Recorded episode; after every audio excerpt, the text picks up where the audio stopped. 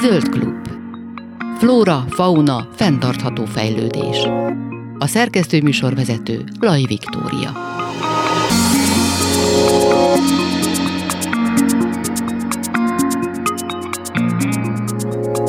Kellemes délutánt kívánok, Laj Viktoriát hallják. Lezárult két kiemelt természetvédelmi terület a Dávodi földvárító és a Karapancsai erdei tavaknak a megújítása. Ilyen dolgokat csináltak itt, hogy a műtárgyakat felújították, a csatornákat és tavakat kotorták, és bioremediációt is hát megvalósítottak, megvalósítottak az élőhelyfejlesztés keretében, hogy pontosan ezek mit jelentenek és hogy mi történt. Arról kérdezem Stelli Kendrét, a Dunadráva Nemzeti Park igazgatóság természet természetvédelmi őrét. Jó napot kívánok! Jó napot kívánok, üdvözlöm a hallgatókat! Hát nehéz két mondatban megfogalmazni, hogy mi is tört, de a bevezetőben elhangzott, és igazából csak megerősíteni tudom, hogy két természetvédelmi területen, a Karapancsai erdei tavaknál, illetve a Fölvári tó természetvédelmi területen hajtottunk végre élőhely rehabilitációt. Kicsit messzebbről kezdve érdemes tudni, miért is volt egyáltalán erre Igen. szükség, miért volt élőhely rehabilitációra itt szükség. Közös pont a két élőhelyben az, hogy a vízellátását azt a Ferenc távcsatornáról kapja, ami ugye Bajánál a Deák Ferenc Zsilippel van összeköttetésben a Dunával. Mind a két élőhely, ahogy említettem, vizes élőhelyet jelent, ennek a szerepe fölértékelődött az elmúlt évtizedekben. Azt mindannyian hallottuk, tudjuk, hogy a vizeknek a szerepe egyre fontosabbá válik. Ugye erre jó példa volt az elmúlt két év nyara, illetve a telek sem hoztak megfelelő mennyiségű csapadékot, úgyhogy nyugodtan kijelenthetjük, hogy extrém száraz két nyár volt, vagy ott két nyarat hagytunk magunk mögött. Igen. Tehát ugye lenyomatot hagyott a két élőhelyen is. A legnagyobb problémát a két élőhely esetében az jelenti, hogy bár elvi lehetősége van a víztánpótlásnak a Ferenc tápcsatornából, ezek egy csatorna rendszeren keresztül műtárgyakat érintve jutnak be a két vízfelületre. Kettő között azért különbség van, a földvári tó az egy mezőgazdasági terület által körülölelt élőhely, nyugodtan kijelenthetjük, hogy ez egy oázis, csodálatos madárvilággal, nyilván az egyéb élőlények is megfelelő életfeltételeket találnak itt, de talán ami a legkiemelkedőbb értéke az a madárvilág. A karapancsai erdei tavak nevében is mutatják, hogy ez egy erdőtömbben lévő erdei tórendszer. Mind a kettőnek egyébként az elhalási folyamata, tehát a szukcessziós folyamata az egy teljesen természetes folyamat, uh-huh. ami dilemmát jelent, hogy ugye mellette nem keletkeznek új hasonló jellegű élőhelyek, hiszen a folyószabályozással ezeknek gátját vetettük, ilyen mhm. élőhelyek kialakulására jelenleg nincsen lehetőség. Amennyiben ezekhez értéket kötünk, társítunk, már pedig jelenleg ezt tesszük, akkor ennek a fenntartása emberi beavatkozás nélkül nem megoldható. Mhm. Ezt a beavatkozást valósítottuk meg itt a pályázat keretében, ami nagyon leegyszerűsítve annyit jelent, hogy a vízutánpótlást megnehezítő, akadályozó csatornaszakaszok kotrását elvégeztük, tehát a korábbi időszakban még hogyha megfelelő vízállás is volt a Ferenc tápcsatornában, bizonyos paraméterek miatt a betáplálást lehetővé tevő egyéb szakaszok mm, nem engedték a víz befolyását, ezért mind a két helyen műtárgyakat újítottunk föl, itt zsilipeket, átereszeket kell ez alatt érteni, illetve a, a víz bejutását akadályozó hordalékot távolítottuk el a területről ha minden igaz, akkor ez a, a Mohácsi szigeteknek, vagy szigetnek a része mind a két terület, és ha jól tudom, ezen a részen volt ö, már egy ilyen élőhely rekonstrukciós ö, folyamat, ami 2013-ban zárult talán, de ha jól tudom, ez a Szabadság szigetet érintette. Ez egy most teljesen más dologról beszélünk a két projektben? Teljesen más dologról. Maga az alap ami a problémát jelenti, az nyilván közös mind a kettőben. Tehát a folyószabályozással érintett, most már mesterségessé váló környezet a negatív hatása, vagy káros folyamatokat próbáljuk ezzel egy kicsit visszavetni, időben akadályozni ezeket a dolgokat. A Szabadság-sziget az a Dunának egy mellékág megnyítása volt. A Szabadság-zátony vagy sziget melletti mellékágban egy kőelzárás volt található, amivel a sziget lassan hozzánőtt volna a parthoz. Ezt annak idején a bontással megakadályoztuk, és most a belső ágban szabadon tud folyni egy bizonyos vízállásig a, a víz. Uh-huh. Tehát ilyen szinten ez egy példaértékű megvalósítás. A jelen projekt, amiről egyébként most beszélünk, az annyiban különbözik, hogy ez a Dunától jóval távolabb, nem a direkt vizéből kapja a vízellátását. Uh-huh. De igen, tehát a, összefoglalva a történetet, nem az első ilyen jellegű projekt az igazgatóságunknál, ilyen jellegű élőhelyfejlesztések egyébként a Dráva mellett, illetve a Nemzeti Park egyéb területein is folyik. Mekkora idő intervallumot kell egyébként elképzelni most konkrétan ennek a, két élőhelynek a rekonstrukciója kapcsán? Tehát ezt mondjuk mikor kezdik el, és mikor fej, mondható az, hogy bezárult, hogy, hogy kész? Hú, hát ugye, ha csak kivitelezve is nézünk, az egy viszonylag jól megfogható Aha. történet. Ez egy 2016-ban kiírt pályázat volt a Széchenyi 2020 környezeti és energiahatékonysági operatív program keretében nyert támogatást ez a pályázat, mint ahogy egyébként a Duna melletti területekben még két másik ilyen pályázat valósult meg. Egyik az idén lezárt Bezerédi záponynak a rehabilitáció, vagy Dunágnak a rehabilitáció, illetve a Dunaszekcsői telelő mellékágnak a megújítása, ami még jelen pillanatban is folyik, az még nem zárult le.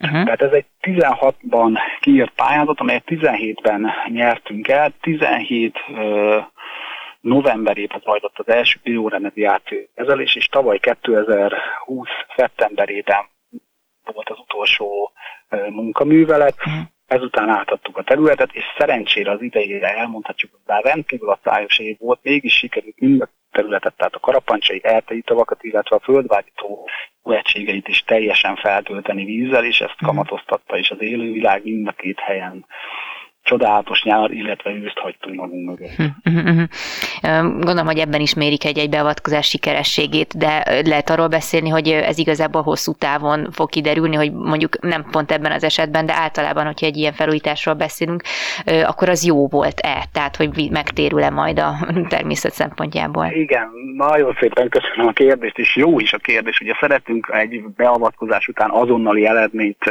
fölmutatni, vagy elvárás lenne, természet szerencsére nem így működik, tehát azért ez hosszú távon fogja a, a valódi eredményességét megmutatni, de hogyha számokba kéne kifejezni, vagy egyáltalán eredményekbe, gyors eredményekben, hogy mit is tapasztaltunk, akkor önmagában az, hogy mind a két víztestet teljesen fel tudtuk tölteni, szerintem az egy szenzációs eredmény, az elmúlt uh-huh. években nem igazán volt erre lehetőségünk, illetve önmagában az, hogy a vízkormányzást, víz visszatartást lehetővé tevő műtárgyakat sikerült felújítanunk, az is egy rendkívül jó dolog. A karapancsa erdei tavak esetében 7 ilyen műtárgy, míg a földvágy tavak esetében 9 műtárgyat sikerült felújítanunk. Ugye ez záloga annak, hogy az egyébként bejutó vizet meg is tudjuk tartani a területen, uh-huh. illetve megfelelő ö, üzemeltetéssel a megfelelő területekre tudjuk juttatni a, a vizet, de hogy konkrét eredményt is tudjak mondani, a karapancsai erdei tavak esetében az évek óta a területen nem előforduló mélytejfűből találtunk egy jelentősebb állományt, illetve a vízilópark uh-huh. is újra megjelent a területen. Itt igazából inváziós fajok megjelenésétől kell tartani, vagy eddig lehetett ezekről beszélni? Hú, hát a, a kérdés ugye érzékeny. Nem lehet azt mondani, hogy nincs a területen. Sajnos, Aha. mivel ez is egy vizes élőhely, és messziről hozza a víz a, a mhm. inváziós fajoknak, mondjuk a szaporító képletét, ha növényekről beszélünk, akkor igen, el kell ismernünk, hogy a területeken van. Gyakorlatilag szinte Magyarország minden területén megtalálható valamilyen inváziós faj. a legnehezebb talán a vízben lévő inváziós fajoknak a monitorozása, itt alapvetően halakra, ülő kétéltőekre gondolunk, de sajnos ezek is jelen vannak a területen. Nagy valószínűséggel egyébként a természetvédelmi jövőbeni kihívásai között ez egy kiemelt probléma lesz, talán ennél azért fontosabb lesz majd a víz, illetve annak a mhm. megtartása, az azzal való gazdálkodás, bánásmód. Nem tudom, hogy itt megragadhatnék még egy kis hát lehetőséget, mert ugye a biore, bioremediáció, mint olyan, az általában kérdésként szokott fölmerülni, illetve hogy mit is takar maga a bioremediáció. Definíció szerint maga a bioremediáció egyébként a szennyezett közegben mikroorganizmusok vagy növények segítségével a szennyezés felszámolása. Ez nagyon egyszerű egyébként már maga a definíciója. Élő vizekben azért ennél egy kicsit bonyolultabb, ott élővízi bioremediációról akkor beszélünk, ha egy kedvezőtlen ökológiai állapotú az eutrofizáció káros hatása által sújtott vízben nagy mennyiségben juttatnak természetes eredetű jellemzően talajból vagy vízből izolált hasznos mikroorganizmusokat és enzimeket, és ennek segítségével a teljes vízi ökoszisztémát újra az élővilág számára az ökológiai állapotba lehet mozdítani. Ugye itt a kulcsszavak és a legfontosabb dolog az, hogy egy természetes öntisztulási képességre alapozott baktérium koncentrációt növelünk meg, és ennek a segítségével sikerül a víznek az ökológiai állapotát javas, javítani. A mi esetünkben ez egy kiemelten fontos dolog volt, mert a, a földvári tavak legnagyobb túlegységénél nem volt lehetőségünk műszaki megoldásra, tehát gondolok mm. itt kotlásra, sem a vízfelület, sem a kikotorandó anyag nem tette ezt lehetővé, viszont ennek segítségével nagyjából centiméter lágyszapot sikerült elbontanunk, és nyilván ennek a helyét víz vette át, mhm. ami azt jelenti, hogy az egyébként nem túl mély tavaknak a vízoszlop magassága jóval nagyobb lett, tehát százalékban nagyjából 25 százalékkal nőtt meg a, a vízoszlop magasságát, ez rendkívül sok jelent egy ilyen tó esetében. Ez egy régebbi, vagy egy újabb eljárás egyébként, ez a bioremediáció? Nem, nem tehát a módszer az már régebb óta ismert, Aha. alapvetően egyébként halária, tehát károknak az elhárítására szokták ezt használni, hmm. mind vízi, mind pedig talaj élővilág javításának a szempontjából. Az, hogy természetes vizek esetében ilyen jellegű kezelésekre van-e lehetőség, azt azért előzetes vizsgálatoknak kell megelőzni, tehát hmm. nem minden esetben használható ez a módszer. Nekünk nem az első eset volt az igazgatóságunk területén, hogy ezt mi használtuk, és nekünk pozitív véleményünk van róla. Uh-huh. Rendkívül kicsi zavarással jár, tehát képekkel nem kell felvonulni, nincsen gyakorlatilag zajterhelés, és nagyon gyors eredményre lehet számítani. Természetesen, hogy említettük, igazából ezek nem végleges megoldások, pici időt nyerünk vele, és reméljük, hogy majd az utánunk következő generáció esetleg jobb eszközöket kap a kezébe, és uh-huh. hathatósabban fogja ezeket a problémákat megoldani, illetve akkor már a, a vízzel való gazdálkodás kicsit más szemléletet kap, más hogyan fogunk majd erre tekinteni. Erre volt egy nagyon jó lehetőség ez a pályázat, és bízunk benne, hogy igazából ez csak egy kezdet volt, és majd lesz folytatása. Tervei nyilván az igazgatóságunknak rengeteg van, forrás és lehetőség kérdése az, hogy mennyivel tudunk majd élni. Hát nagyon szépen köszönöm a, a beszélgetést Teli Kendrének, a Dunadráva Nemzeti Park Igazgatóság természetvédelmi őrének, és akkor hát gratulálok ez a felújításhoz. Nagyon szépen köszönjük.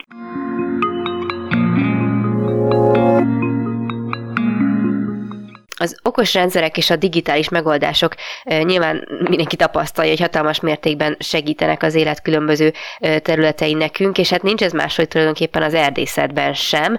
Okos erdők, illetve hát okos megoldások, rendszerek az erdőkben már ez egy létező fogalom kategória, nem csak Nyugat-Európában, hanem Magyarországon is, és a minden igaz, akkor a Soproni Egyetemnek van is egy saját fejlesztésű technológiája ilyen okos erdő témakörben, ami, ha jól tudom, egy picit más, mint amit eddig Nyugat-Európában vagy más országokban megszokhattunk, vagy tapasztalhattunk. Hogy pontosan miről van szó, arról kérdezem dr. Cimber Kornélt, a Soproni Egyetem erdőmérnöki karának kutatás és külügyi helyettesét, egyetemi docensét. Jó napot kívánok! Szép jó napot, üdvözlöm a hallgatókat! És akkor hagyj kérdezem meg, hogy pontosan mi ez az okos rendszer, amit önök az erdészetben használnak? Egyáltalán mit jelent az, hogy okos erdő? Okos erdő egy olyan rendszer, ahol az erdő, erdő ről tudunk minden információt, az erdő magáról is tudja ezeket közölni, ezeket az információkat. Természetesen ezt az erdő nem képes, ezt különböző szenzorok segítségével tudjuk megtenni. Az első lépés egy ilyen okos erdőnek, hogy nagyon részletesen felmérjük centiméter pontossággal pozíciót, méreteket, magasságokat, ágokat, mindent. Ezután szenzorokat telepítünk az erdőbe, és figyeljük, figyeljük a környezetet, az erdei környezetet, és figyeljük az erdők növekedését, egyes fáknak a növekedését.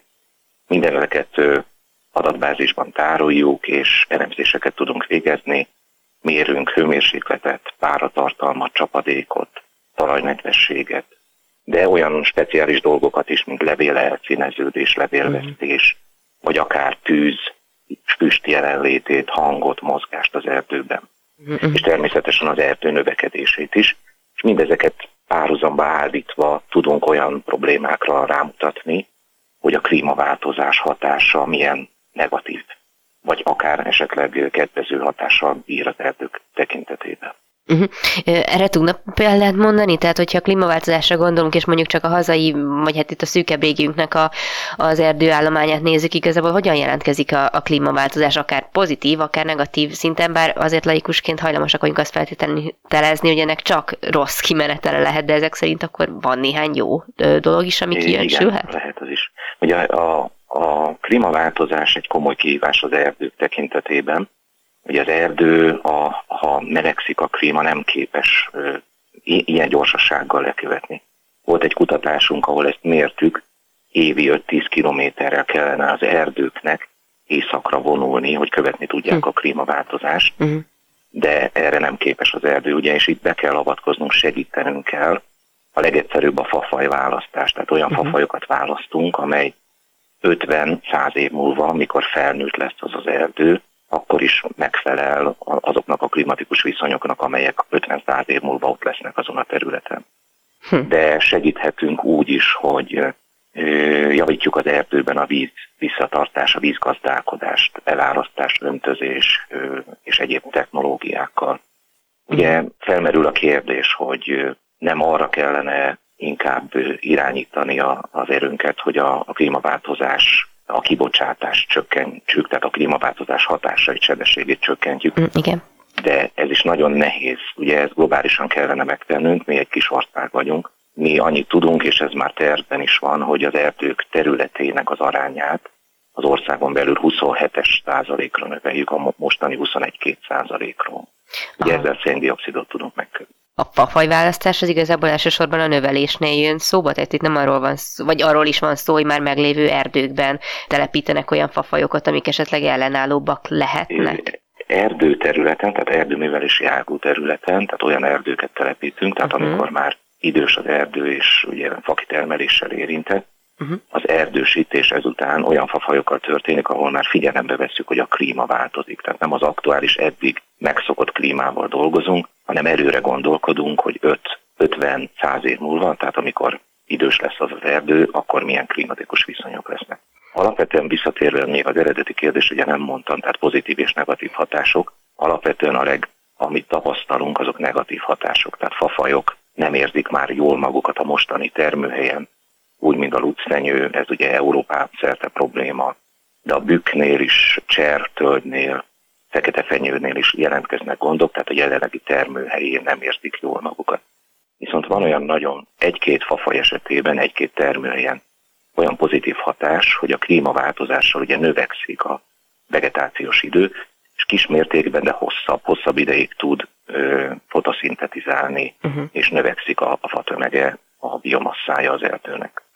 Um, viszont akkor nem kell attól tartani, hogy teljesen átalakulhat az ökoszisztéma ezeken a területeken, ahol mondjuk más fa, tehát faj, fajú telepítéseket végeznek, tehát ez nem jelent igen, majd mindenféleképpen igen. veszteséget.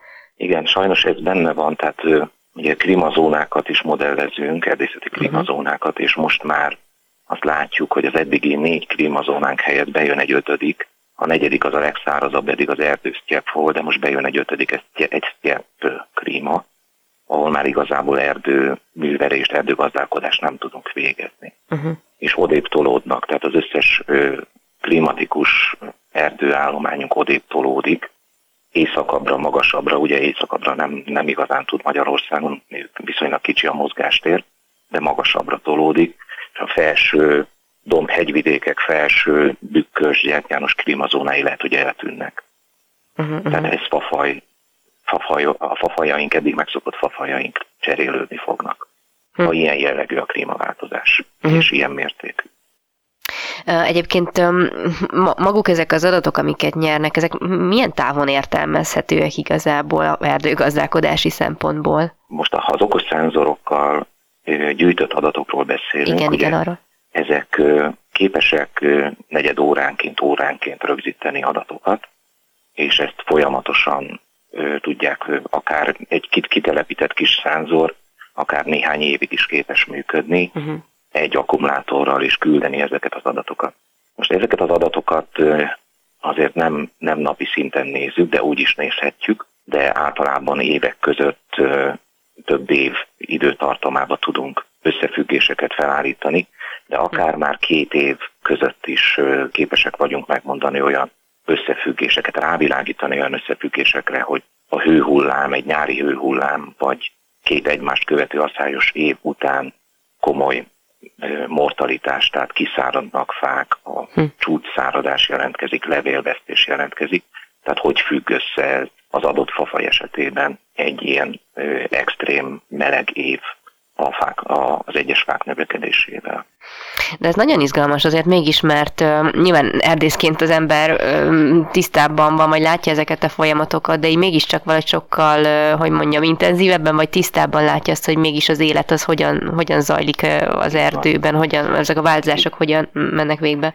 Így van, tehát itt van nagy jelentőség ezeknek a szánzoroknak, ugye ezek nem nagy értékű szánzorok, tehát minél a célunk az, hogy minél olcsóbban beszerezhető, minél több szenzorunk legyen, de nagyon nagy számba tudjuk, és különböző típusokat tudjunk telepíteni egy ilyen erdőbe.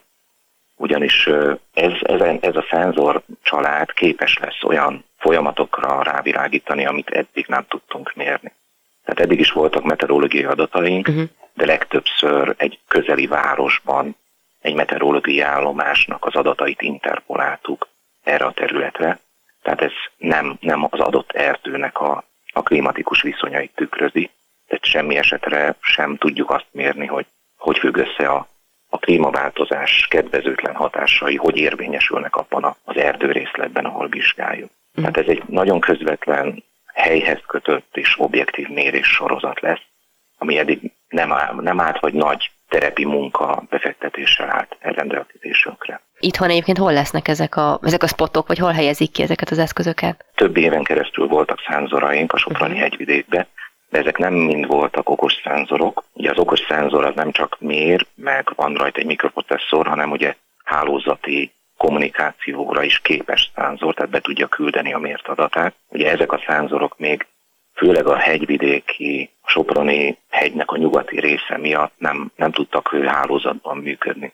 És van egy mhm. ilyen új szenzor technológia, ami képes ott azokban az eldugott völgyekben is adatokat beküldeni. Tehát ezeket a szenzorokat cserélni fogjuk, és egy, ezen a kísérleti területen, a Soproni hegyvidéken fogjuk ezt az okos erdőt felállítani, uh-huh. de több helyütt az országban vannak már azért ilyen szenzorok. Ugye az Erdészeti Tudományos Intézet, illetve néhány erdőgazdaság is működtet ilyen szenzorokat.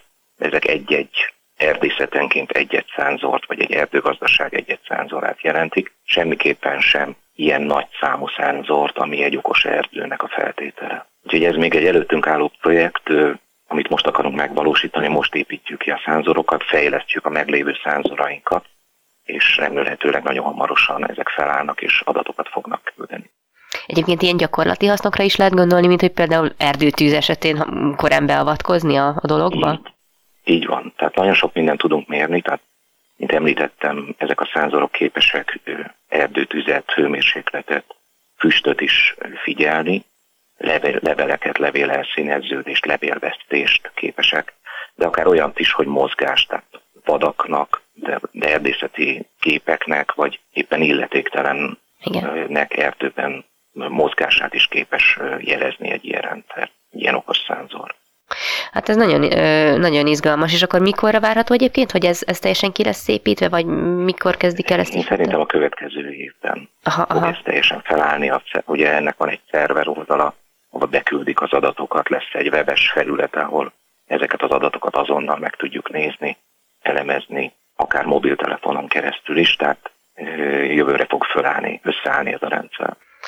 Hát nagyon szépen köszönöm a beszélgetést dr. Cimbert Kornélnak, a Soproni Egyetem erdőmérnöki karának kutatás és külügyi helyettesének, egyetemi docensének, és akkor jó munkát kívánunk ehhez a köszönöm projekthez. szépen, köszönöm a lehetőséget.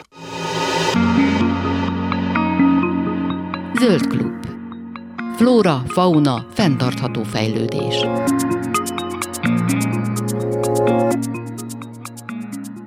Az Ökológiai Kutatóközpont viselkedés ökológusainak a Behavioral Ecology folyóiratban idén márciusban jelent meg egy tanulmánya, amiben arról ö, számolnak be, hogy az örös légykapók megváltoztatják az éneküket, a különböző tojóknak vagy hímeknek énekelnek. Egyáltalán mikor és miért, milyen helyzetekben énekel egy énekesmadár, és hogy mi derült ki most az eddigi tudásunkhoz képest, arról kérdezem Garamszegi László Zsoltot, az Ökológiai és Botanikai Intézet igazgatóját. Jó napot kívánok! Jó napot kívánok! Hát a madárének igen, ahogy, ahogy mondta, egy kommunikációs eszköz, általában a hímek szoktak énekelni, de egyébként van egy csomó faj, ahol a, a nőstények is énekelnek. Alapfunkciója az az, hogy a fajtársaknak, akik lehetnek hímek vagy nőstények, bizonyos információt szolgáltassanak az énekről egyedről, és ezzel kvázi befolyásolni tudják a, a hallgatóknak a döntését. Tehát, hogyha mondjuk egy hím énekel egy, egy nősténynek, akkor, és a hím éneke valahogy jelzi a hímnek a minőségét, akkor a felválasztott tojó el tudja dönteni, hogy neki megéri-e az adott hímmel párkapcsolatot létesíteni, vagy nem, tehát utódokat gondozni az adott hímmel, vagy nem.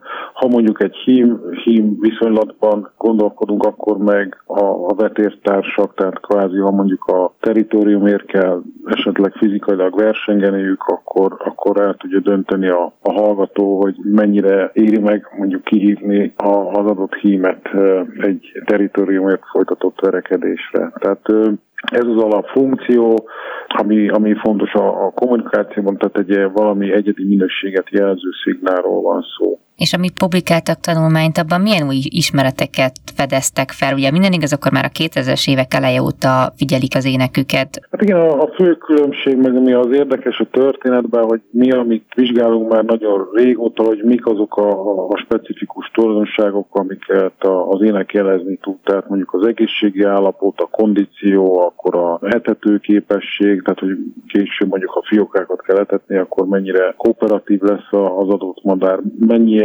jelentkezik a, az állatnak a, a személyisége az énekben. Tehát mik azok a egy-egy specifikus bélyegek, vagy tulajdonságok, amik meg, megjelennek az énekben, és amik, amik befolyásolják mondjuk a tojóknak a párválasztását. Ez egy alap probléma, és mind ezek a vizsgálatok mind arra az alapfeltevésre hagyatkoznak, hogy az egyedek szisztematikusan elkülöníthetők az énekük alapján, tehát ha kicsit egyszerűbben fogalmazva, vannak hímek, amelyek fokozatosan vagy konzisztensen szépen énekelnek, van, van olyannak olyan hímek, amelyek szisztematikusan mondjuk csúnyában énekelnek. Tehát ez azt feltételezi, hogy az egyedek különböznek egymástól, és ez egy adott egyed, az, az mindig ugyanúgy fog énekelni. Ez nagyon jól illusztrálható, ha például összehasonlítjuk a mondjuk a, a, a színezeti szignálokkal. Ott ugye a színezet az egy nap alatt azért nem nagyon változik, tehát egy modernnak mondjuk egy piros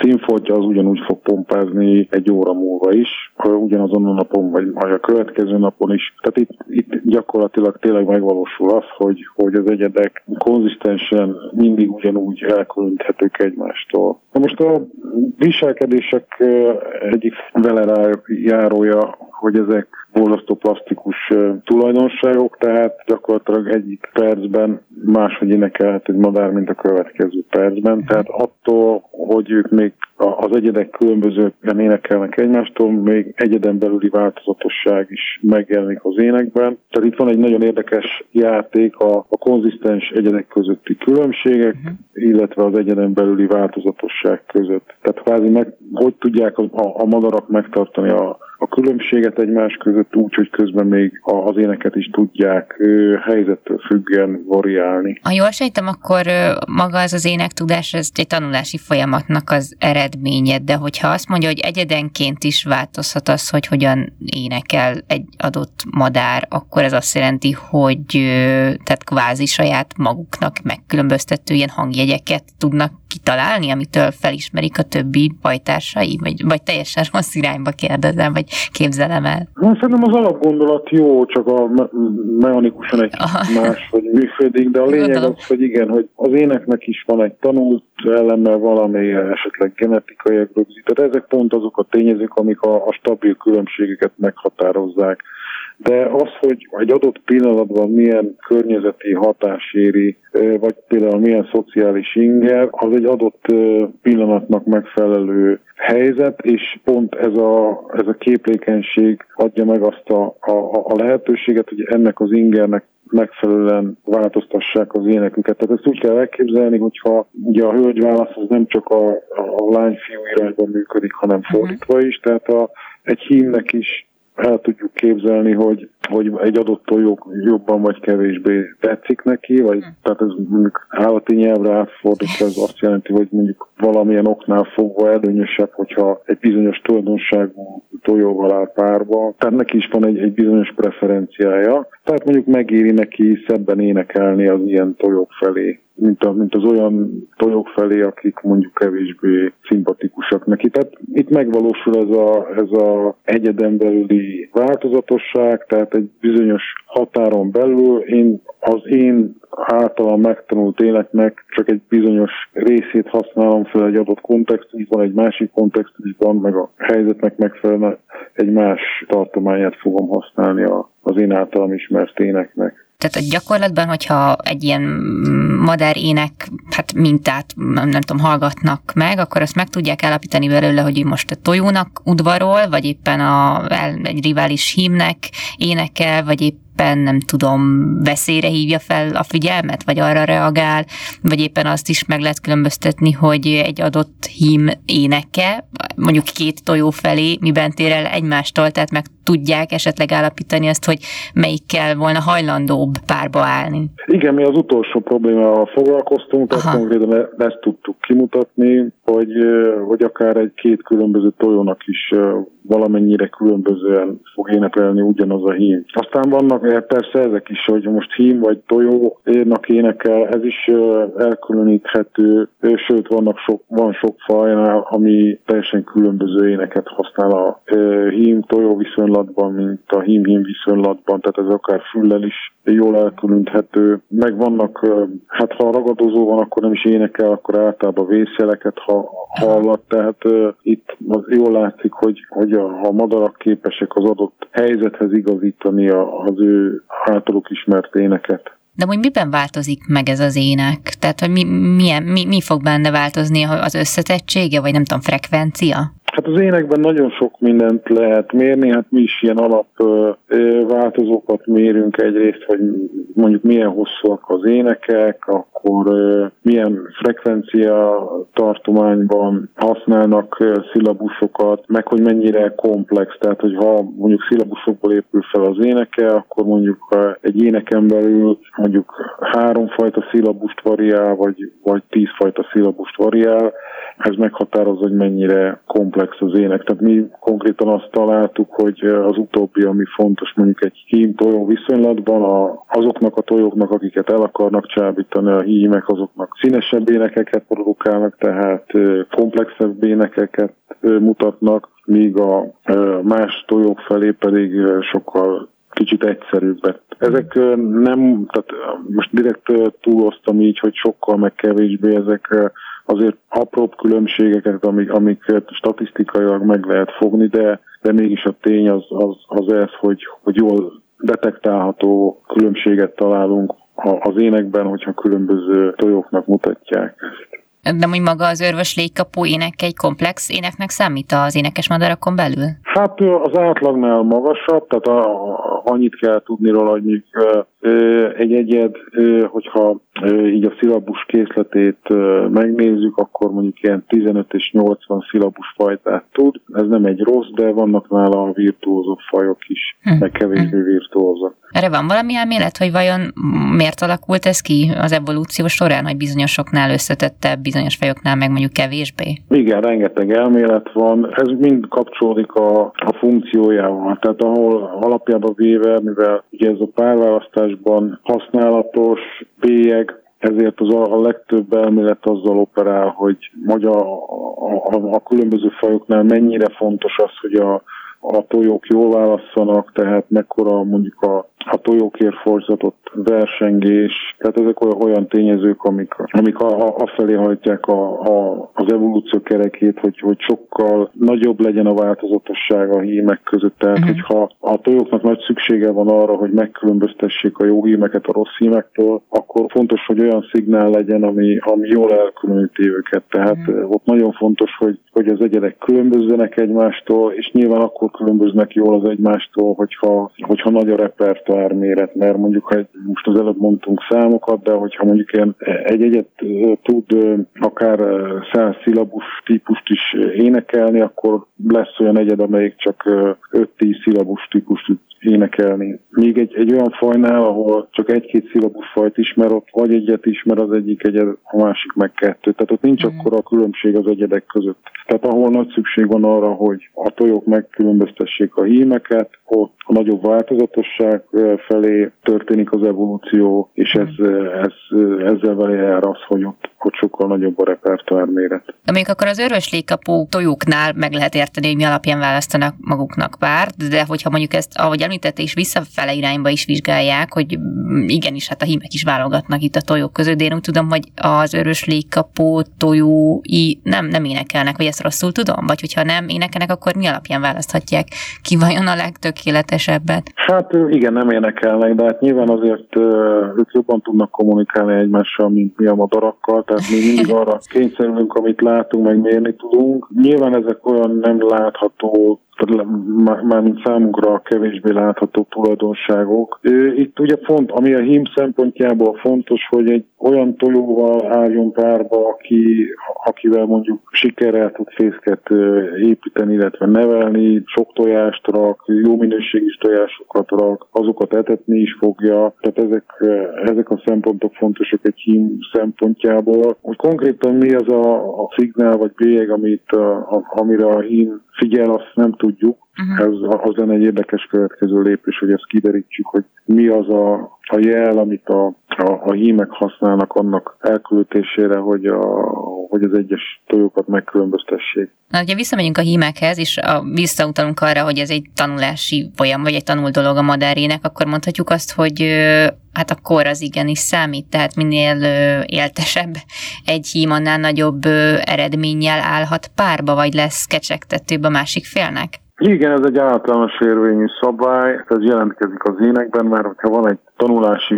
szakasz, ami nem csak egyébként általában az énekes madaraknál nem csak a, a, a fiatal korra tevődik, hanem már az egész élete során is képes tanulni, tehát folyamatosan épülnek be új énekelemek, tehát így egyértelmű a kapcsolat, hogy az idősebb egyedeknek sokkal színesebb lesz az éneke. Tehát például a, az ének így módon jelezheti az egyet korát, és az egyet kora az meg ugye a tapasztalattal korrelál, tehát hogyha egy, egy hosszú időn át túlélő, siker, sikeresen szaporodó egyettel áll párba egy tojó, akkor nagy a valószínűsége, hogy ő is sikerrel fog fiókát nevet, nevelni ezzel a hímmel. Egyébként hogyan végzik el ezeket a vizsgálatokat? Mert azt mondta is, hogy szabad füllel, jó, hogy nyilván a szakemberek jobban meghallják, vagy meg tudják különböztetni, de nyilván vannak olyan dolgok, amiket nem, nem lehet. Tehát, hogy valahogy le kell kottázni, gondolom, az éneküket, hogy következtetésekre lehessen jutni. Hát gyakorlatilag erről van szó, hogy, hogy lekottázzuk az éneket.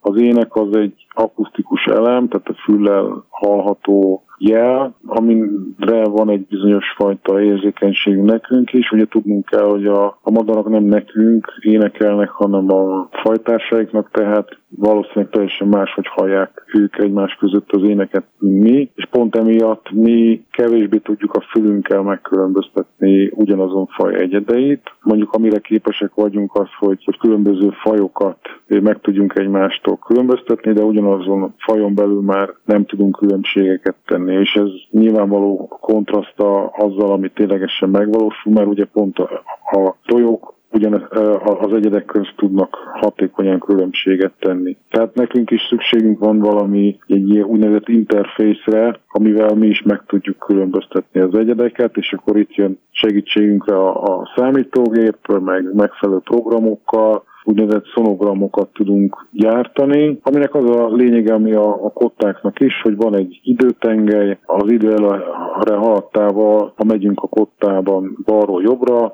látjuk a különböző frekvencia tartományokat, tehát hogyha alulról fölfelé nézzük, akkor úgy tudjuk értelmezni, hogy mikor milyen frekvenciájú hangokat használt a madár. És ez egy nagyon jól, számunkra jól értelmezhető megjelenítése a madáréneknek, ezen már olyan finomabb struktúrákat látunk, amivel mi is el tudjuk különíteni szépen az egyedeket, tehát hogy milyen szilabusokat használ, azokat milyen kombinációban, milyen, milyen hosszú énekeket használ, stb. stb. Tehát egy sor változót ezeken, ezeken a úgynevezett szonogramokon tudunk mérni. Említettük, hogy már azért nagyon régóta, kb. nem tudom, 20 éve, hogy ezzel, hogy velük foglalkoznak, vagy figyelik az éneküket, hogy azért ennyi idő valószínűleg lehetőséget ad arra, hogy, hogy az élő világot is monitorozzák, akár az egyet gazdaságot, vagy talán a környéken élő madaraknak a fajgazdagságát, vagy éppen azt, hogy az ének változott-e ennyi, vagy ennyi idő alatt, tehát, hogy mondjuk bővült-e, vagy nem tudom, szegényesebb lett a, mondjuk is szókincse, és elnézést az ilyen antropomorf kiegészí, vagy kifejezéseket. Persze, igen, hogyha így összerakjuk így a, a felvételeinket, amit így az évek során gyűjtöttünk, akkor pont ilyen populációs szintű jelenségeket tudunk föltárni, és ugyanúgy, ahogy egy egyednek is változik a, a szókincse, vagy szilabus készlete, ugyanúgy a populációnak is. Tehát vannak olyan szavak vagy szilabusok, amelyek amelyek stabilan megmaradnak, minden évben használják a, a madarak, ezek általában elég gyakran használatos elemek, de vannak olyan ele, szilabusok is, amelyek, amelyek eltűnnek. Uh-huh. Tehát bizonyos években ott voltak még, aztán később már nem találjuk meg. És akkor vannak olyanok, amelyek meg újonnan megjelennek. Tehát egy ilyen, ilyen dinamikus változáson megy át a, gyakorlatilag a, a szilabus készlet. Most éppen azt próbáljuk megérteni, hogy ez, ez egy random folyamat, tehát egyszerűen csak azért tűnnek el szilabusok, mert nagyon ritkák, és hmm. nincs lehetőség arra, hogy, hogy ezeket egymástól megtanulják, és akkor továbbadják, vagy pedig tényleg van mögötte valami úgynevezett kulturális evolúciós folyamat, tehát hogy valami irányító elv alapján jelennek meg, illetve tűnnek el a szilabusok. Tehát ha például egy bizonyos szilabus az vonzóbb lesz a tojóknak, akkor az stabilizálódik és elterjed a populációban. Így módon terjed el. Mások meg, meg valamiért kikerülnek a vonzás körből és kivesznek. Tehát itt, itt van egy konkrét szelekciós irányító tényező, ami által az egyes szilabusok gyakorisága az változik az évek során. Tehát ez egy érdekes probléma. Mhm. De mondjuk más fajoknak a, a szillabusai, azok lehetnek hatással egy, egy fajnak a szókészletére? Hát vannak fajok, aminél igen, tehát van jól ismert ez az úgynevezett heterospecifikus mimikri, vagy fajok közötti mimikri. Hát az őrös légykapó az, az azért nem ilyen, de hogyha mondjuk ha az erdőben mondjuk a, a, a seregélyekre gondolunk, akkor ott, ott például a, a seregély a sárgarigó énekét olyan szépen beleszólvi a saját énekébe, hogy gyakorlatilag nem is lehet felismerni, hogy ez egy seregély hm. előadásában hallható. Tehát vannak fajok, amelyek erre képesek is bele is szövik a, a, az udvarló énekekbe. Hogy a, az ember terjeszkedik, vagy megváltoztatja a környezetét, urbanizáljuk a, a környezetünket, akkor nyilván megjelennek autók, járművek, emberek, amik különböző hát zaj, zajokat, különböző frekvenciákon bocsátanak ki. Nem tudom, hogy ez esetleg megváltoztathatja az ő a madaraknak az énekét, vagy adhat-e ilyen eltéréseket mondjuk egy város közelében, egy bizonyos fajnak az énekében, mint mondjuk az között közepén egy fajnak az énekében. Igen, ez is abszolút jól ismert jelenség. A, a cinegéknél írták le ezt először, de azóta több fajnál is sikerült ezt bizonyítani, hogy van a, a cinegéknek városi meg erdei populációjuk, uh-huh. teljesen más akusztikus környezetben kell nekik sikeresen énekelniük, tehát itt nagyon fontos, hogy az ének megtartsa a funkcióját, tehát eljusson a, a hallgatósághoz, azok megértsék és uh-huh. megfelelően reagáljanak. E, nyilván, hogyha olyan a környezet, hogy valami olyan frekvencia tartományban énekelnek, ahol ez az üzenet elvész, mert olyan a háttérzaj, hogy, hogy ez nem hallható, akkor, akkor az ének módosul. És pont a, a cinegéknél írták rá, hogy egyrészt sokkal hangosabban is énekelnek mm. az alapháttérzaj miatt, meg a, a frekvencia tartomány is a, a, a városi alapzaj fölé csúszik. Mennyire érdemes összehasonlítani az emberi nyelvvel vagy beszéddel? Vannak hasonlóságok, de azért messze nem ugyanaz, tehát a hangképzés az teljesen más, tehát mi mm. Teljesen máshogy képzünk hangot, mint a madarak. Például az a alapvető különbség, hogy ugye mi a, a lépcsőnknek a felső részében képezünk hangot, tehát ez egy, egy olyan struktúra, amiben egy irányból érkezik a levegő. A madaraknál ez sokkal lejjebb van, tehát amikor a, a légcső ketté ágazik, tehát gyakorlatilag két irányból jön a levegő, és még egy, egy orgonasíp kibe tudják ezeket kapcsolni, mint hogyha két oldalról tudják ezeket egyszerre működtetni, és ez sokkal komplexebb hangképzésre ad, ad módot, tehát így mechanisztikusan így, így, így más, de maga a nyelv vagy a, a, a jelnek az összetettségére próbálunk valami hasonlóságot vizsgálni vagy, vagy nézni, akkor ugyanúgy elmondható az, hogy az éneknek is van egy hierarchikus szerveződése, tehát amit mi is úgy beszélünk, hogy szavak, mondatok, szótagok szintjén szervezik a mondani valónkat, a, a madarak is különböző képen szervezik a, az énekeket, tehát lehet nekik egy ilyen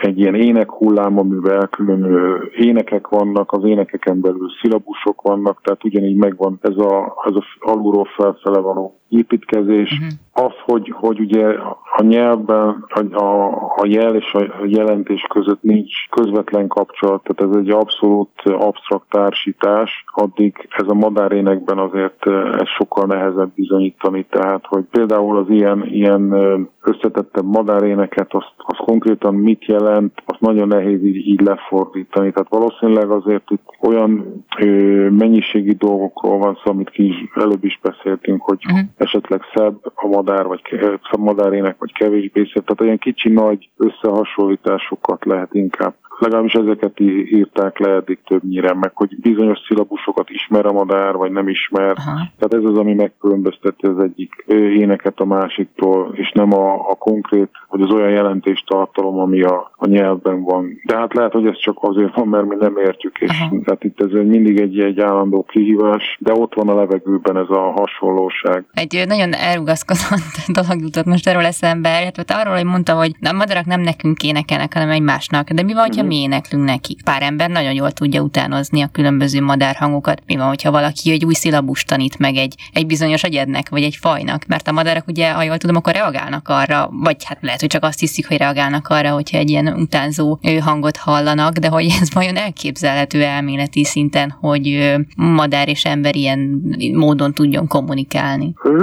Abszolút elképzelhető. Mi a, annál a fajnál, amit vizsgáltunk például, próbálkoztunk ilyen ö, mesterséges tanítással, noha nem mi próbáltunk meg énekelni a madaraknak, hanem számítógéppel mi magunk raktuk össze olyan énekeket, amiben belecsempésztünk idegen szilabusokat, ezek vagy valami számítógéppel kreált hangok voltak, vagy pedig egy olyan másik populációból származott, amiből biztosan tudtuk, hogy a mi magyar madaraink ezt még nem hallották, és ezeket belecsempésztük a felvételekbe, és elkezdtük nekik játszani, és hát nem nagy sikerrel, de végül is úgy néz ki, hogy egy madarat így meg tudtunk tanítani egy, egy olasz szilabusra, tehát gyakorlatilag így rá tudtuk kényszeríteni, hogy de ez nagyon, tehát nagyon sok esetben meg nem sikerült, de mindenképpen ott, ott van egy, egy lehetséges képesség arra vonatkozóan, hogy hogyha nem is látják ugye a, a, azt, hogy kitől tanulnak, akkor is be tudják építeni a, a, a saját repertoárokba a számukra hasznosnak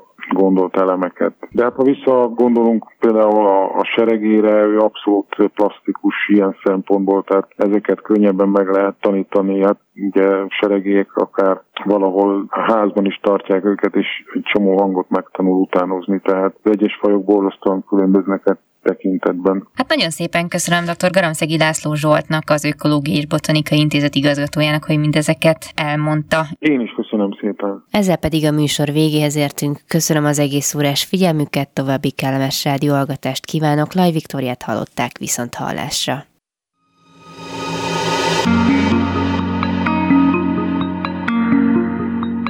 Flóra, fauna, fenntartható fejlődés. A Zöld Klub műsorát hallották. Thank you.